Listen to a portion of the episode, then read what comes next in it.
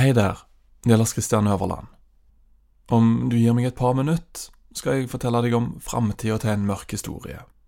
Og hvordan du kan få tilgang til alle serieepisodene med en gang. Før alle andre. Vi på Third Air Studio vil lage noen av Norges beste dokumentarer. Og vi fortsetter å produsere en mørk historie. Oftere og enda mer ambisiøst. For å gjøre det trenger vi din støtte. Derfor lanserer vi nå en tjeneste som heter Third Air Plus. Der kan du som lytter via Apple Podcaster eller Acast bli abonnent. Du kan forhåndslytte til alle episodene med en gang vi slipper nye serier, uten å bli forstyrra av reklame. Og etter hvert ønsker vi å slippe eksklusive episoder, kun for deg som abonnerer. Og kanskje helt egne programmer. Takk for at du har lytta så langt. Om du vil støtte oss på reisen og bidra til flere og bedre dokumentarer, bli abonnent på Apple Podcaster. Eller følg lenka i episodebeskrivelsen til Acast nå. Tusen hjertelig takk. Hiring for your small business? If you're not looking for professionals on LinkedIn, you're looking in the wrong place. That's like looking for your car keys in a fish tank. LinkedIn helps you hire professionals you can't find anywhere else, even those who aren't actively searching for a new job but might be open to the perfect role. In a given month, over 70% of LinkedIn users don't even visit other leading job sites. So start looking in the right place. With LinkedIn, you can hire professionals like a professional. Post your free job on linkedin.com slash people today. Millions of people have lost weight with personalized plans from Noom. Like Evan, who can't stand salads and still lost 50 pounds. Salads, generally, for most people, are the easy button, right? For me, that wasn't an option. I never really was a salad guy. That's just not who I am. But Noom worked for me. Get your personalized plan today at Noom.com. Real Noom user compensated to provide their story. In four weeks, the typical Noom user can expect to lose one to two pounds per week. Individual results may vary.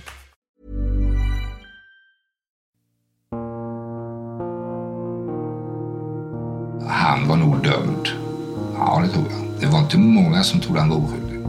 I slutten av august 2006 blir Barbro Karlsson og kjæresten hennes Chobben drept. Paret blir funnet i ruinene av en påtent brann. Chobben med avskåren hals, Barbro dør av brannrøyken. Barbro sin son Pierre blir arrestert, mistenkt for dobbeltmordet. Det var några människor som tänkte ungefär som jag. Eh, Bland annat min bror Gustav var en av dem. Och eh, några stycken personer till. Mange innbyggere på Nordre Øland har allerede dømt Pierre for dobbeltmordet. Og når han blir frikjent for alle mistanker i februar 2007, kommer det som et sjokk. Men det fins også de som tar Pierre sitt parti. Blant annet bestevennen hans Petter Skoglund og bror hans Gustav. Sen var det ju många då som trodde att det var han som dömde honom direkt. Och det tyckte jag ju att det är, inte, det är inte min sak att döma honom.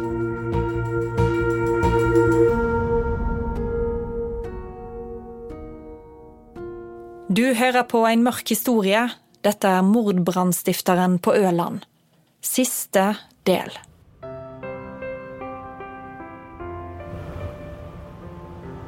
Det er dagen etter Lucia 2012. Tidlig på morgenen skimtes det ei kålsvart røyksky som stiger rett opp i himmelen. Det velter ut svart røyk fra en garasje. Det har gått seks år siden sist, men nå brenner det på Nordre Øland igjen. Jag befann mig i Borgholm och fick larm. Mindre uthus som brinner. Brannsjefen Bengt Andersson. Sedan när jag kommer upp då konstaterar jag att det är ju inte någon mindre uthusbrand det här. Men trass i den bitende kulden står en garasje i Flakebøle på Nordre Øland i flammer. Den här byggnaden som brann den var ju väl så stor som själva boningshuset som var en fyra meter ifrån. Den, den var inte någonting att göra åt utan den var ju helt och fullt övertänd. Garasjen er overtent. Et bostadhus som står tett inntil, er helt uskadd. Vi fick fram en nyckel eh, så att man kunde öppna entrédörren till eh, boningshuset. Och där, där hittade vi nycklarna till bilarna. Det här. På tomta utanför garasjen står det flera kjøretøy. Eh, utanför byggnaden så stod det då ett antal bilar.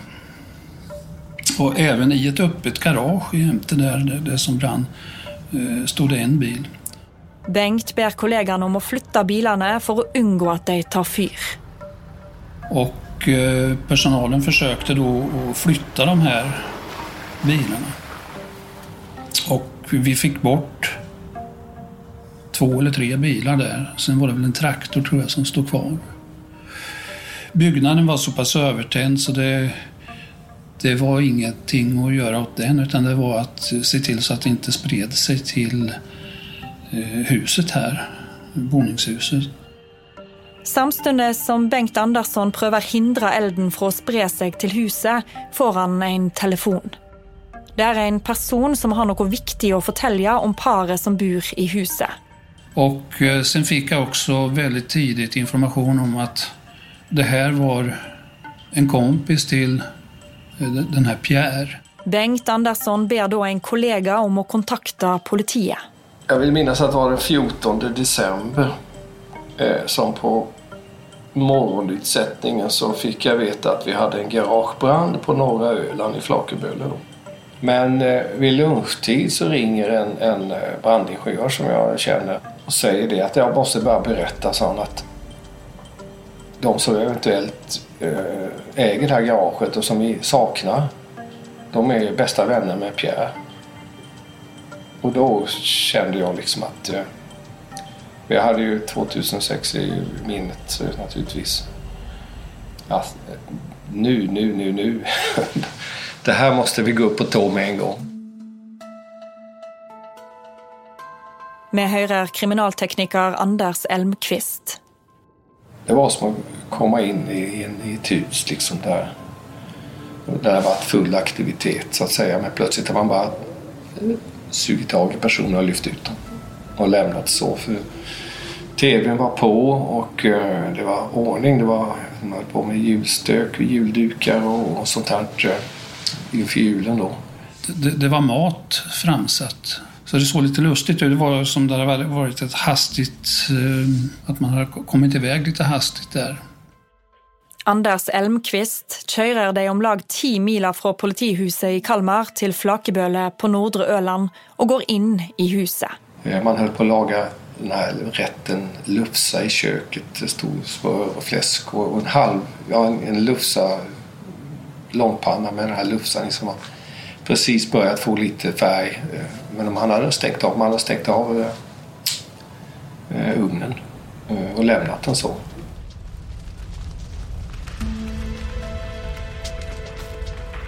Garasjen till Gustav och Annika Norander brenner. På tomta står bilarna deras och traktoren.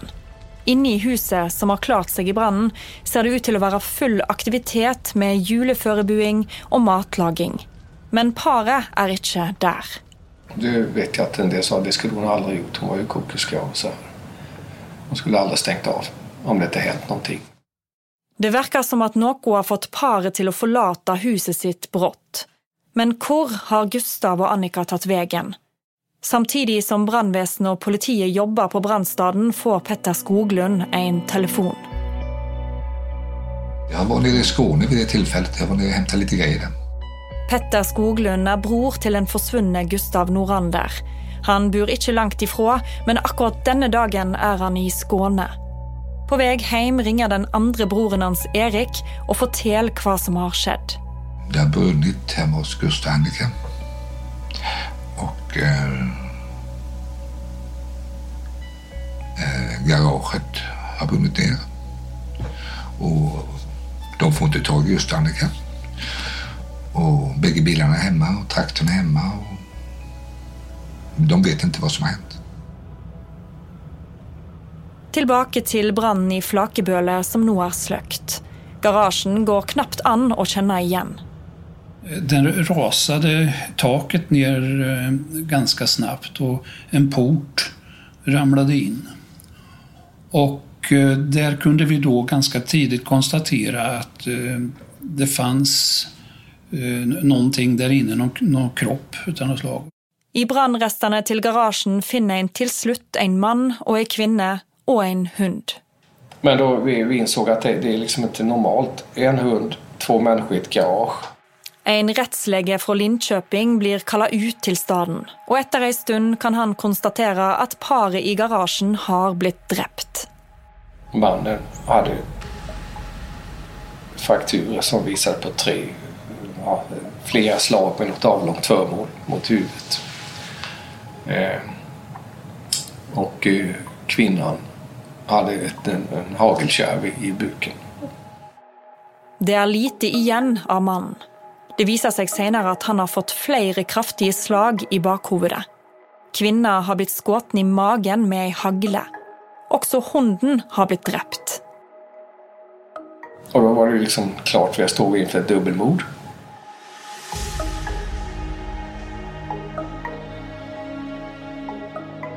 De hade hittat en människa och eh, troligtvis rester av en hund. Nå får bror til Gustav, Petter Skoglund, en ny telefon om det grusomme funnet i garasjen. Då vet jag att jag tänkte Annika tänkte jag och deras hund. De var ju väldigt så här, jag tänkte Gustav är ju inte Gustav är ju Gustavs hund också men, men Annikas hund, de var där. Det, det var min första tanke.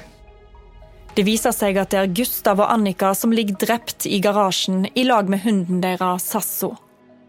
Sen fick vi information om att de hade hittat en, en kropp till. Och... Eh, mm, jag vet inte vad man... Man, man blev eh, tom i skallen. Tom. Väldigt tom. Men jag kan säga det att eh, mina misstankar direkt då riktades mot eh, Pierre. Petter, som tidligere alltid har forsvart Pierre og stilt opp for han, mistenker nå det utenkelige. At det er hans beste venn som har drept Gustav og Annika. Jag misstänkte ju eh, Pierre så jag gick ju faktiskt ibland och pratade med mig själv och frågade vad fan han hade gjort och varför. Och Han vet ikke helt hva eksakt det er som får han til å mistenke Pierre for dobbeltmordet. Jag vet jag inte. Det kanske låg latent till det som hände egentligen 2006. Men hvorfor skulle Pierre drepe vennene sine Gustav og Annika? Gustav og Annika tilhørte den lille skaren av mennesker som tok Pierres parti etter brannen i 2006. Ja, men han var jo också en av de här personerna som inte trodde. Han eh, trodde på tingsrätten. Menar, han var ju, fick ju jobb utav Gustav. Han eh, jobbade var hemma hos Gustav Annika och jobbade. Annika var ju totalt övertygad om att det inte var han. Hon, hon var säker på att det inte var han. Och, och, och hon kunde bli förbannad när folk anklagade honom. Så att, eh, på så sätt så kan man ju tycka att det är, ja, det är konstigt. Ja, det var ett några av de personer jag litade på mest, tror jag. Vi hører Pierre fortelle. När jag kom hem 2006 då, efter det här med morsan. Det var de första som bjöd hem oss på middag, hela familjen. Gustav og Annika holdt fram med å være med Pierre. De gav han renoveringsjobb i huset der de bodde. Og når andre dømte Pierre, tok de han i forsvar. Annika och jag var ju lika gamla så att vi har ju gått högstadiet ihop. Ja, Gustav träffar man oftast ute på vägen när man körde och möttes och stannade man. Ibland så var vi hemma hos dem. Så det var jag flera gånger. Då bjöd de alltid på fika och grejer. Och Gustav var ju hemma hos mig och rätt så ofta. Nästan varje gång han var hemma från sjön så var han hemma och pratade lite skit. Ja, men alltså vi hade en väldigt bra kontakt.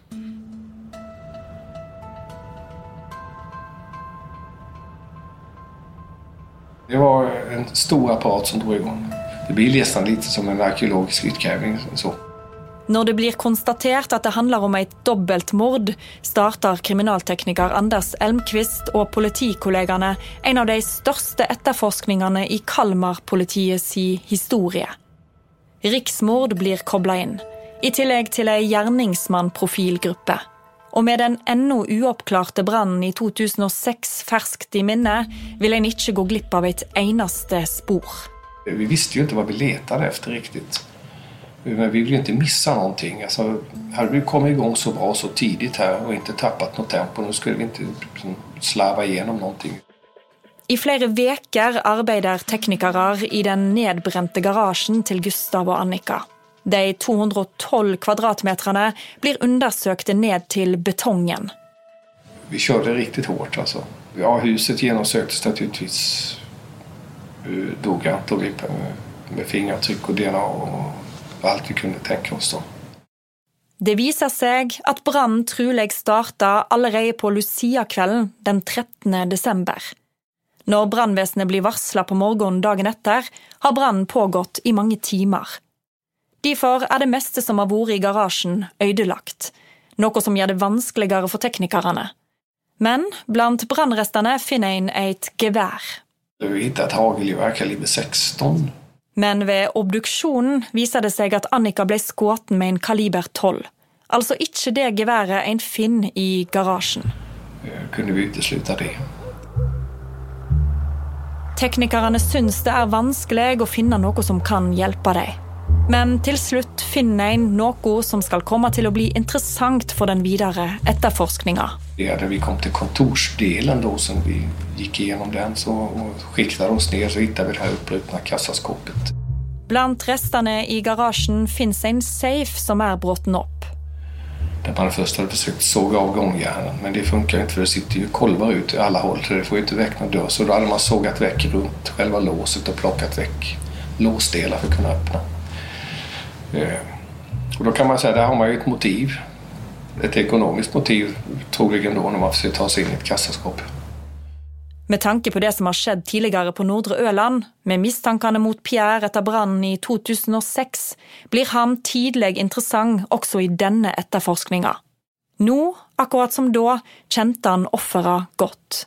Safen i garasjen blir et tydelig motiv. Hans ekonomi den var ju katastrofal. Så var det ju bara. Den var ju körd i botten. Etter at Pierre blir frikjent for alle anklagelser i 2007, fikk han erstatning for tida han satt inne. Pierre får 250 000 kroner fra staten. I 2007 selger han eiendom fra arva etter mor si for 1,5 million. Men pengene tar fort slutt. Og Pierre blir tvungen til å låne penger av venner. Det var första gången han frågade mig. Och då hade han problem att betala el och allting. Han hade legat efter med det. Och då frågade han om han fick låna 25 000. Och eh, då sa jag det, ja det är klart att du får. Men vid det tillfället så var jag i Norge och jobbade. Så hade han ju lånat dem på ett annat ställe. Så jag kom hem någon vecka senare och, och då förde jag över de här pengarna till honom. Så han fick ju 25 000 extra då. Men det sa han inte, det var ju bara bra för honom för det var ju snart jul också. Så det var väl det, de gick väl till julklappar då. Ja. Pierre tar ett kjapt lån med skyhöga räntor. Men pengarna från lånet tar fort slut. Och i december 2012 betalar han 14 000 kronor i ränta till olika kreditsällskap. Dessutom trekker namsmannen 11 000 kronor från månadslönen hans. Pierre tömmer ungene sin sparekonto, men de pengarna räcker inte långt. Løsninga blir å låne pengar från alla möjliga. Venner, naboer og innbyggere på Nordre Øland som han knapt kjenner. Låna blir flere og større. Det fanns ju människor som lånade ut alltså sexsiffriga belopp till honom. Alltså. Men det var väl alla tyckte att han i grund och botten var en jävla snäll kille som hade eh, duktig hantverkare som hade kommit lite snett och behövde hjälp. Klart vi ska hjälpa honom. För det var ju ingen som tyckte illa om honom, tror jag inte. Høsten 2012, noen måneder før brannen hos Gustav og Annika, er økonomien til Pierre så dårlig at han ikke har råd til å betale strømmen engang. Og namsmannen er etter han. Men det gick ju inte. Det tog ju slut. Verkligheten kom ifatt honom och då när de skulle plocka huset och allting då, då det är klart att eh, övriga familjen visste ingenting. Hade det tufft. Den 13. desember, et par timer før brannen starter hos Gustav og Annika, skal Pierre ha vært der for å be om et lån. Senere blir det funnet en safe som er brutit opp i garasjen til det drepte paret. Det blir uppbrutet, det blir uppsågat, kassaskåpet. Men senare på kvällen den 13 då, då, då ringer han ju till olika personer och försöker låna pengar. How would you like to look five years younger? In a clinical study, people that had volume added with Juvederm Voluma XC in the cheeks perceived themselves as looking five years younger at six months after treatment. Look younger, feel like you. Add volume for lift and contour in the cheeks with Juvederm Voluma XC. Reverse signs of aging by adding volume to smooth laugh lines with Juvederm Volure XC. For important safety information and to find a licensed specialist, visit juvederm.com. That's J U V E D E R M.com. Not for people with severe allergic reactions, allergies to lidocaine, or the proteins used in Juvederm. Common side effects include injection site redness, swelling, pain, tenderness, firmness, lumps, bumps, bruising, discoloration, or itching. There's a risk of unintentional injection into a blood vessel, which can cause vision abnormalities, blindness, stroke, temporary scabs, or scarring. Talk to a licensed specialist to find out if it's right for you. Hiring for your small business? If you're not looking for professionals on LinkedIn, you're looking in the wrong place. That's like looking for your car keys in a fish tank.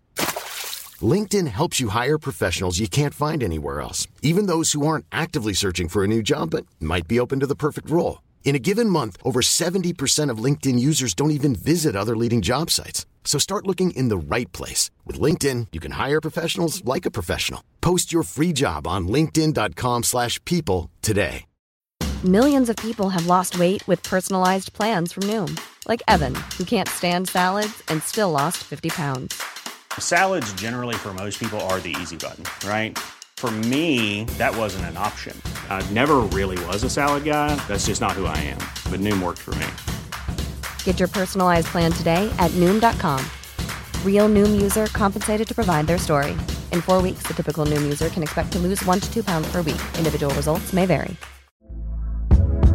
Hey there, it's Michelle Norris. I'm host of a podcast called Your Mama's Kitchen. When I travel, I'm usually looking for a way to find a taste of home when I'm not at home. And one of the things I love to do when I am at home is entertain. And Airbnb allows me to do that. When I was in California recently, I rented a house that had a great kitchen. And when we were sitting around the table, we we're all thinking, we're in someone else's house. Someone could be in all of our homes as well. If you have a home, but you're not always at home, you have an Airbnb. Your home might be worth more than you think. Find out how much at airbnb.com/slash host. Senere på kvelden spør Pierre en annen venn om et lån. Vennen vil ikke låne vekk noe, og om natta får han en melding fra Pierre. Vær så snill, står det.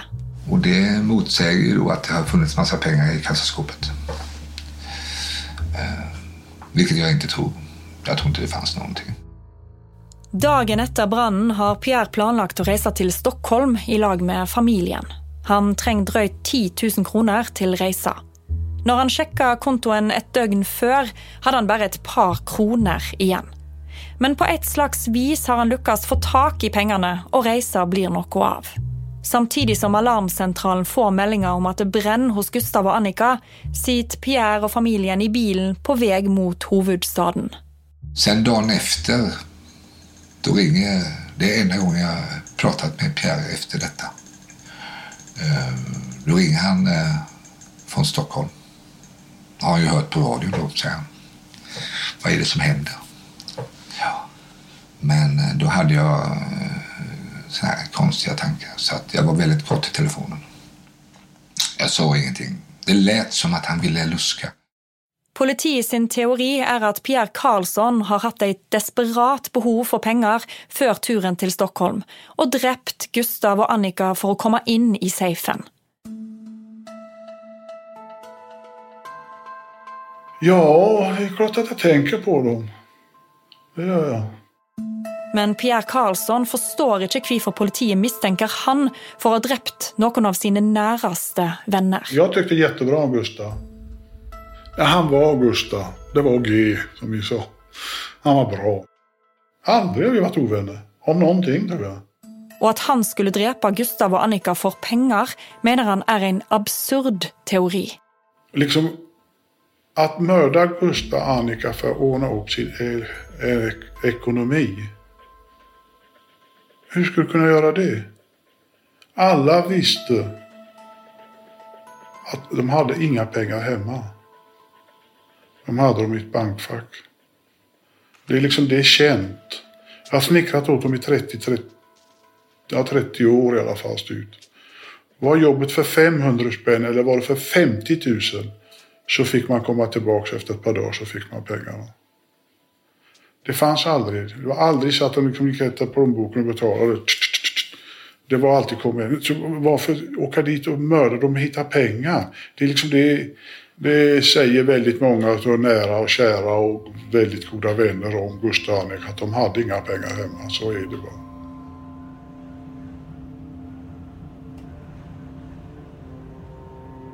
Vi, man stod och stampade liksom.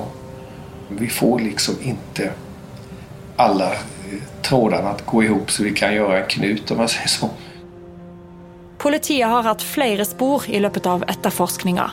Det viser seg at Gustav tidligere har blitt dømt til fengsel for sigarettsmugling, og under politiavhøret avslørt personer i den russisk-baltiske mafiaen. Det sporet blir lagt bort. Det blir også sporet om en slitsom leietaker som ikke betaler for seg. Nå er det bare Pierre som er interessant. Motivet skal være penger. Men etterforskninga står helt stille. Jag minns när vi sitter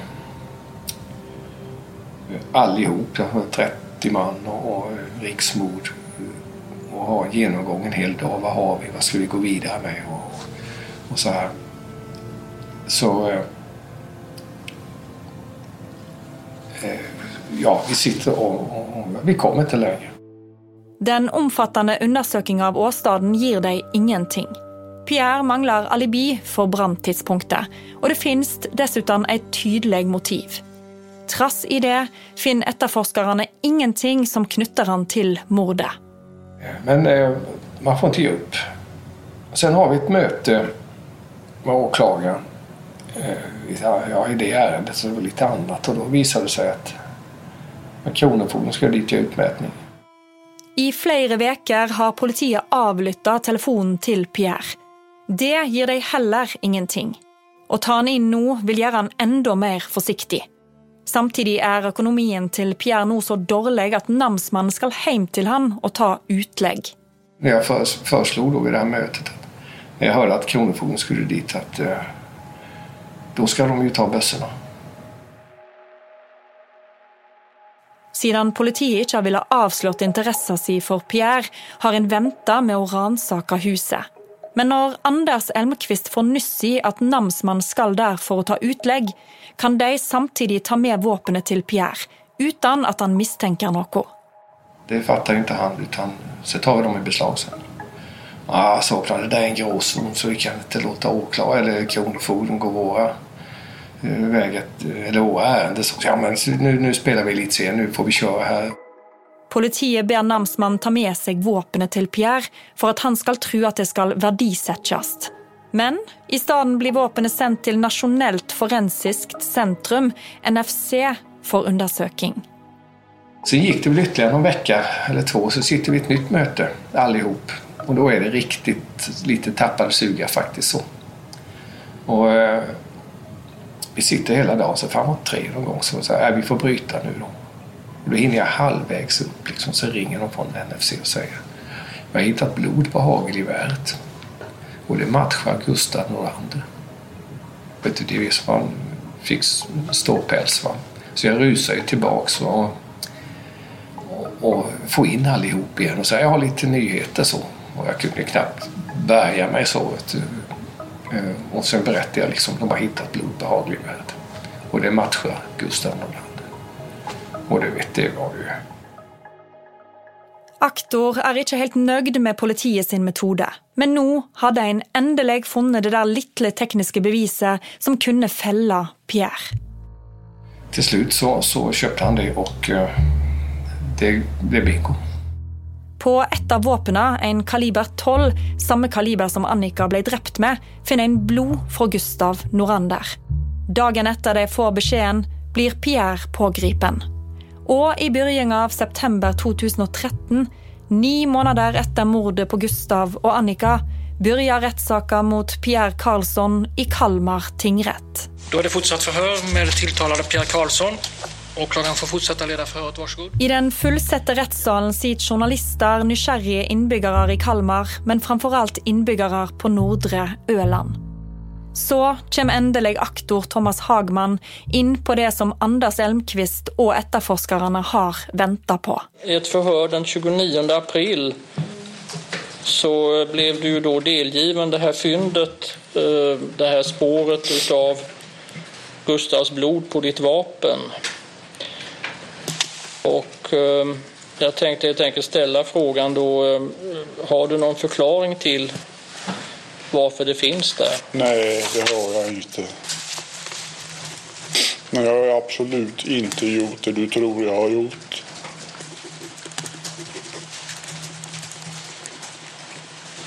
Jag vet inte hur de kommer dit. Tyvärr. Om jag visste hur de kommer dit skulle jag ha tagit det.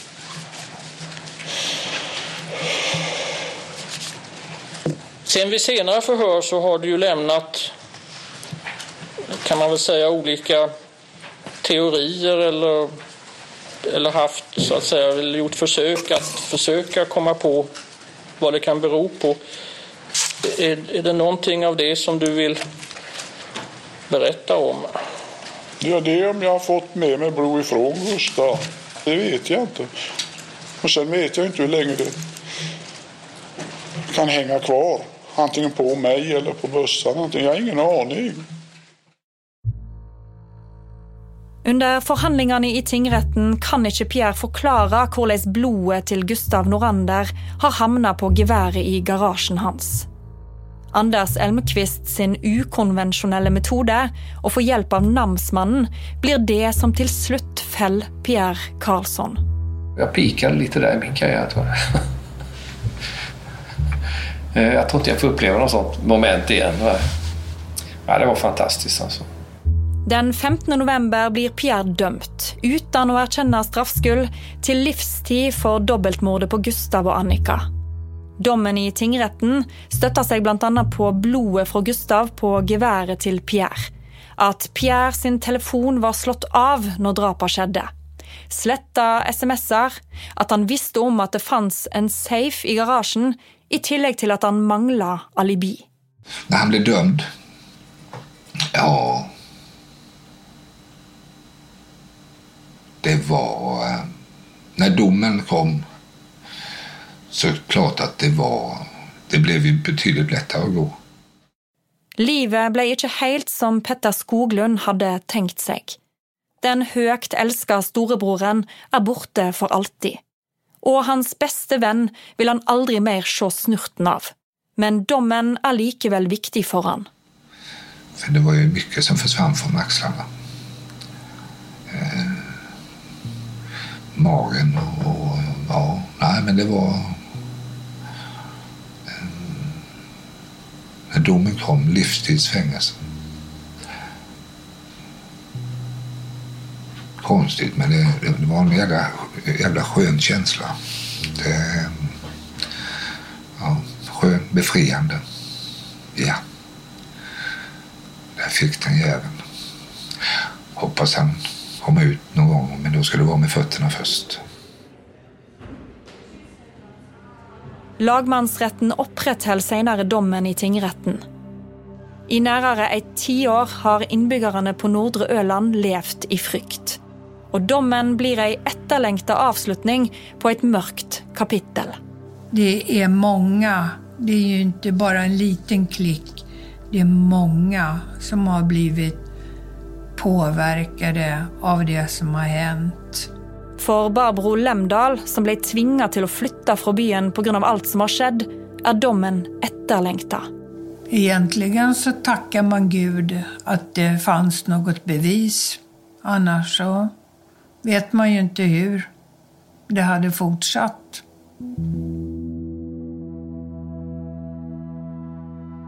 Jag följde det så mycket jag kunde. Och få veta hur det skulle gå. For Rosmarie, søster til Per Olaf som brant inne i 2005, blir dommen ei viktig avslutning. Och där blev han ju till slut fälld. Men det var ju enbart tur.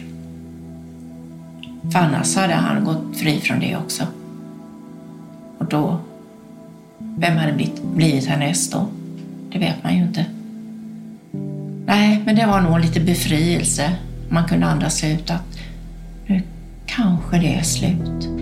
Det gick aldrig an att fastslå brandorsaken hos Per-Olof. Och själv om det har gått 15 år sedan han försvann är saknet till söstera Rosmarie framledes stort. Det var ett kort på Facebook för inte alls så länge sedan. Där han och en kille sitter utanför. Jag blev så glad. Hitta min lillebror på Facebook. ja, det var mysigt. Men vad som verkligen skedde med bror hennes den där vårnatta 2005 kommer nog aldrig till att få veta.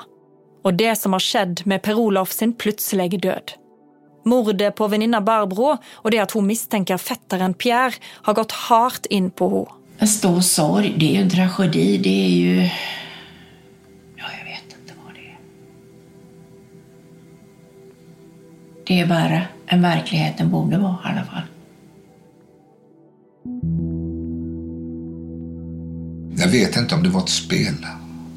Det är nästan omöjligt att sätta sig in i skebnen till Petter Skoglund. Petter och Pierre, barndomsvänner som var umuliga att skilja. Som fiska och mecka på mopeder i tenåra och sedan följde varandra genom hela livet. Pierre, som Petter alltid stilte upp för oavsett vad det gjaldt, som han försvarte när alla andra dömde han efter dubbeltmordet i 2006, har drept bror hans. Det måste ju bli ett spel. Man måste ju... Hur kan man leva med sig själv annars? Han kanske är en Dr. Jekyll eller Mr. Hyde. Det är så. Det kan ju vara så att han eh, fortfarande tror att han är oskyldig. Han har inte gjort någonting. Och det spelar ingen roll om du visar bilder. Jag skulle visa bilder på det. Stått med en kamera och sett alltihop och han fotograferar honom. Nej. Han kanske nekar till det ändå. Det kanske inte finns i hans världsbild.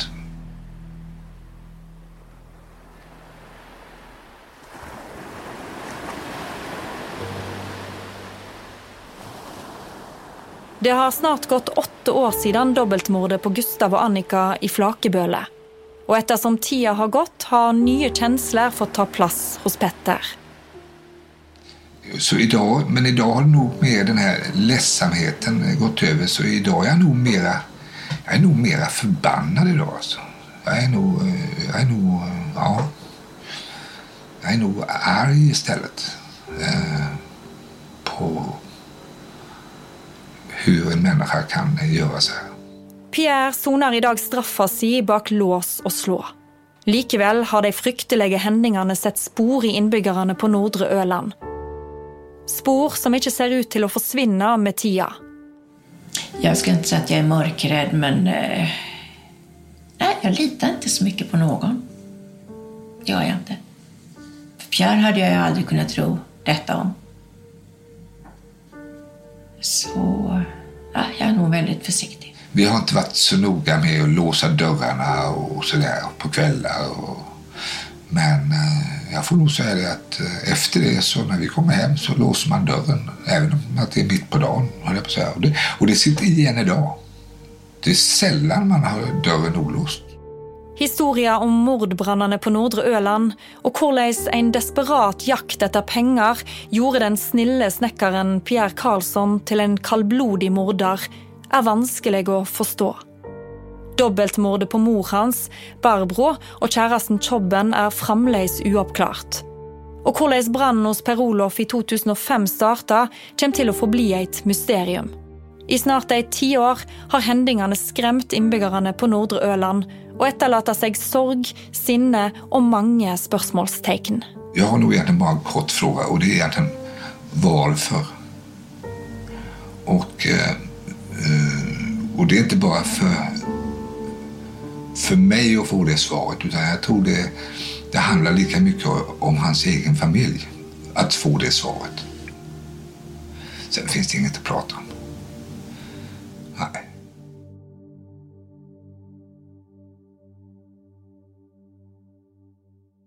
Du har hört på En mörk historia, sista del av Mordbrandstiftaren på Öland. En dokumentar av Morten Trofast, omsett och fortalt av mig, Marte Rommetveit ved Munch Studios. Producenter är Joel Silberstein Hont och Carl Fridsjö. Intervjuet med Pierre Karlsson är gjort av den svenske Fengselspodden. En mörk historia blir laga av produktionsselskapet Just Stories.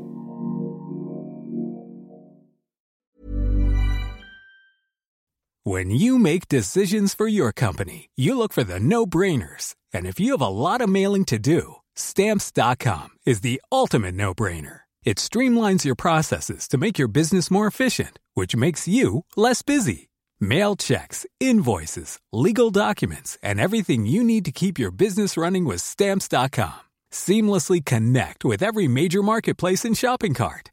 Schedule package pickups and see your cheapest and fastest shipping options from different carriers with rates up to 89% off USPS and UPS rates. And with the stamps.com mobile app, you can take care of mailing and shipping wherever you are. Make the same no-brainer decision as over 1 million other businesses with stamps.com. Sign up with code program for a 4-week trial plus free postage and a free digital scale. No long-term commitments or contracts.